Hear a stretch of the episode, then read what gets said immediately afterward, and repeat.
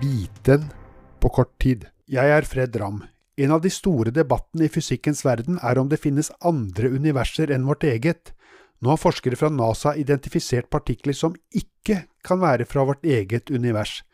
Partiklene er fanget opp høyt over Antarktis, der muligheten for forurensning er minimal.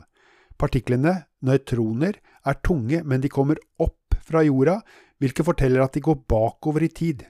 At en slik partikkel skulle oppdages, er i seg selv nesten utrolig, men forskerne har nå påvist dette flere ganger. Apparaturen har fått navnet Anita.